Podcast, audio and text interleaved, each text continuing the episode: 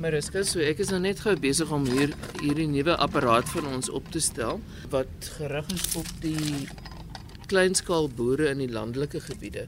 So ek wil net gou-gou hier die die sensors en uh, die instrumente in die grond insit dat jy kan sien presies hoe dit werk. So gee my net so 'n oombliekie.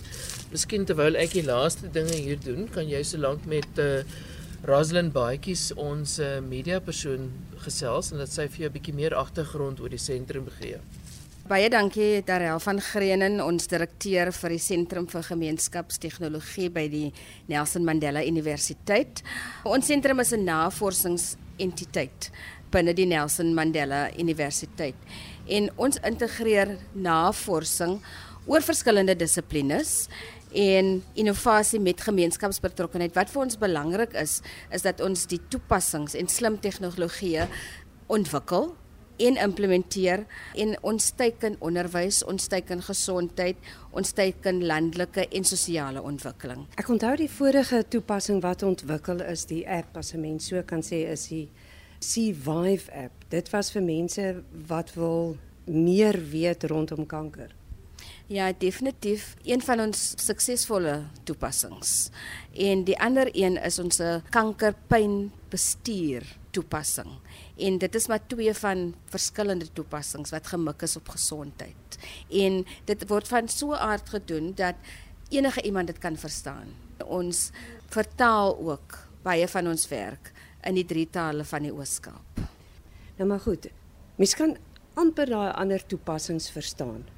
Maar 'n klein sensorboksie, as ek nou in leuke taal kan sê, daar is hy nou opgestel wat nou met sensors in die grond gaan sê hoe is die grondgehalte, wat jy moet plant en wat die klimaat omse. Dit klink ek weet nie wat om te sê nie, maar dit, dit klink amper soos 'n toerboks. Ja, nee, dit klink dalk so Mariska, maar dit is eintlik baie baie eenvoudig. Ons het hierdie klein kassie self gebou hier in Gebega en uh, die sensors daaraan gekoppel met die gedagte dat dit nou moet gebruik word deur die kleinskaal boere in die gemeenskappe. Jy weet ons het so ongeveer 2.5 miljoen van die informele boere binne die Suid-Afrikaanse konteks en natuurlik in die Oos-Kaap het ons baie van die mense wat natuurlik mielieboere is en patatboere en die kool en al daardie tipe van dinge. As jy in die landelike gebiede ry, dan sien jy tog aan weerskante van die pad altyd hierdie landerye. En dan wonder mense hoe kry mense dat dit goed vooruit gaan daar. So ons het nou besluit om ten einde die klimaatsverandering aan te pak wat natuurlik hierdie mense baie sterk beïnvloed. Hierdie sensorboksie te bou, so 'n kassie wat ons nou self met die 3D printing gedoen het. En hy het dan nou allerlei elektrodes en instrumente wat ingebou is binne in die kas met die instrumente wat in die grond ingaan en daarmee kan jy dan nou die verskillende goed meet soos jou temperatuur van jou grond, die hoeveelheid pH, die alkalisiese inhoude en dan kan mense begin kyk na die bemesting wat hulle gee. Maar dit sal ook goed wees as, as ons natuurlik nou gesels met een van my studente Tinashe Chizema, hy is besig met sy meestersgraad oor die veranderinge wat nodig is binne die gemeenskappe van boere en wat hulle nodig het om al hierdie slim tegnologie te gebruik. So ek gaan Tinashe vra om vir ons 'n bietjie te verduidelik presies hoe hierdie kassie aan mekaar gesit is en hoe dit dan nou werk. This is the Limp Agri sensor box. It takes uh, climate change related parameters, it takes sunlight readings, splits them into ultraviolet, infrared light, and visible light. It also takes pH and electrical conductivity, also has a sensor for pressure, humidity, and altitude. Also has one that goes into the soil for moisture and temperature. This also takes pH and electrical conductivity. We also have an analog sensor to verify our readings. The farmer can also view readings by use of an LCD. Uh, we also can connect the laptop to the sensor box, and this is so that the farmer can get their readings every second through use uh, of Wi-Fi and you get visible light, UV light, infrared light, temperature, pressure, approximate altitude and humidity. Maar die mooi ding daarvan is dat ons maak voorsiening vir boere wat nie noodwendig 'n slimfoon het en natuurlik konnektiwiteit en al daardie dinge het nie. Daar's 'n klein skerm soos jy kan sien hierso waarop die resultate vertoon word en daardie resultate word dan per Bluetooth en golwe gestuur na 'n selfoon toe sodat dit in 'n teksformaat uh, ontvang word. So iemand wat 'n basiese foon het, kan steeds 'n SMS kry en dan nou hierdie uitslae kry en daarmee saam het ons dan 'n toepassing waar die boer hierdie inligting invoer en dan sê dit vir hom goed jou alkalie is nou te hoog in hierdie grond so jy moet nou die volgende goed bysit dit is 'n werklik 'n nuwe manier van dinge doen dat mense nie noodwendig sommer net enige bemesting by hulle grond sit nie. Ons hoop om daarmee die aanwas te verbeter. Jy weet en dat hulle 'n baie groter oes het elke jaar en natuurlik ook om siektes en insekte en al daardie tipe van goed te kan bestry. Ons weet ons het onlangs die plaag van sprinkane gehad.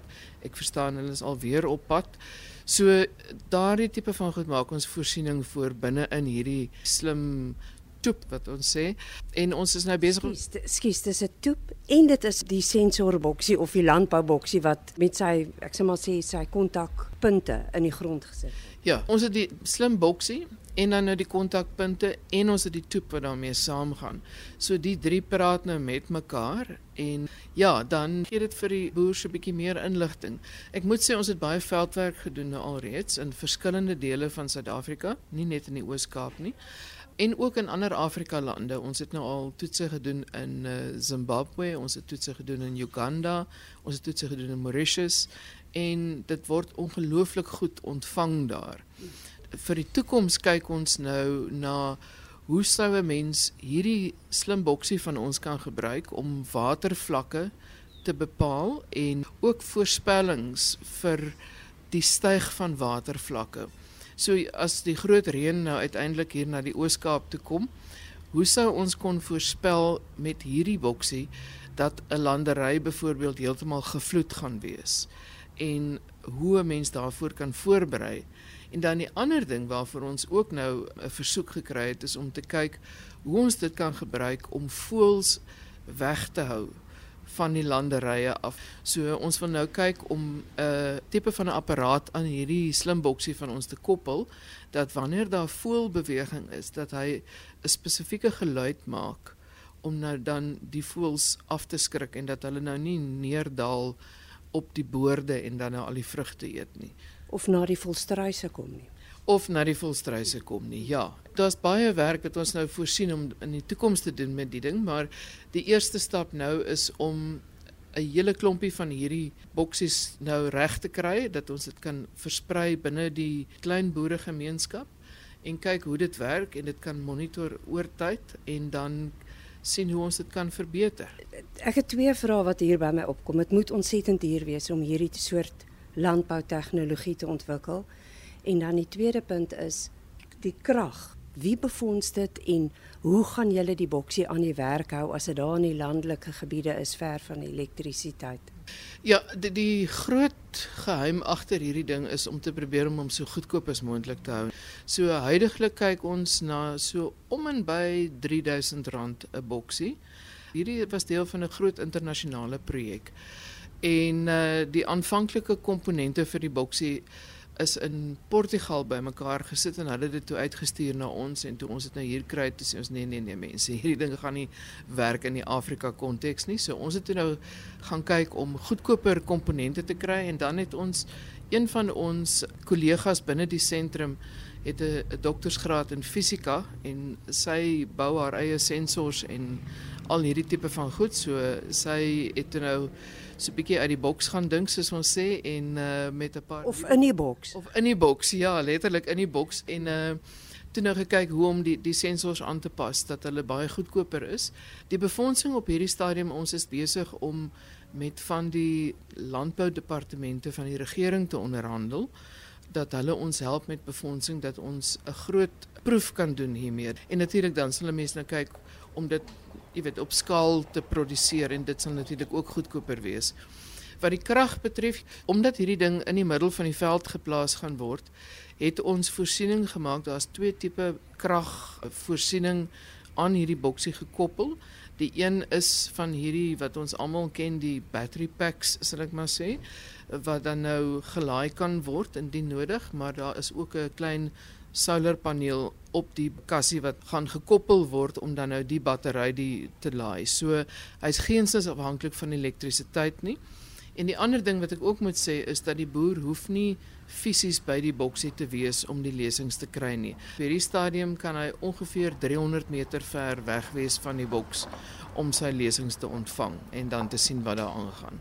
Van die gemeenskapsboere het reeds vir ons gevra dat hulle asseblief hiervan wil hê. Op hierdie stadium gaan ons nie dat hulle betaal daarvoor nie omdat dit deel is van 'n proeftydperk.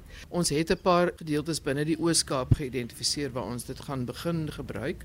Ons het ook van die groter maatskappye wat belangstel om te sien wat ons hiermee kan doen en dan bereid is om moontlik saam met ons te werk. Ek het 'n voeltjie hoor fluit dat daar blykbaar 'n Franse maatskappy is wat geweldig belangstel om saam met ons te werk.